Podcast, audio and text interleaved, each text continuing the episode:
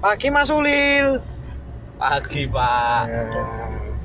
Sehat Mas? Alhamdulillah. Lanjutkan perbincangan kita di hari yang kemarin Mas Ulil ya terkait dakwah. Mas Ulil kan senang dakwah nih dari Ya, nggak terlalu senang. Pak. dari storynya kan Mas Ulil itu dari Tayu banyak kiai-kiai besar yang ada di sana nih.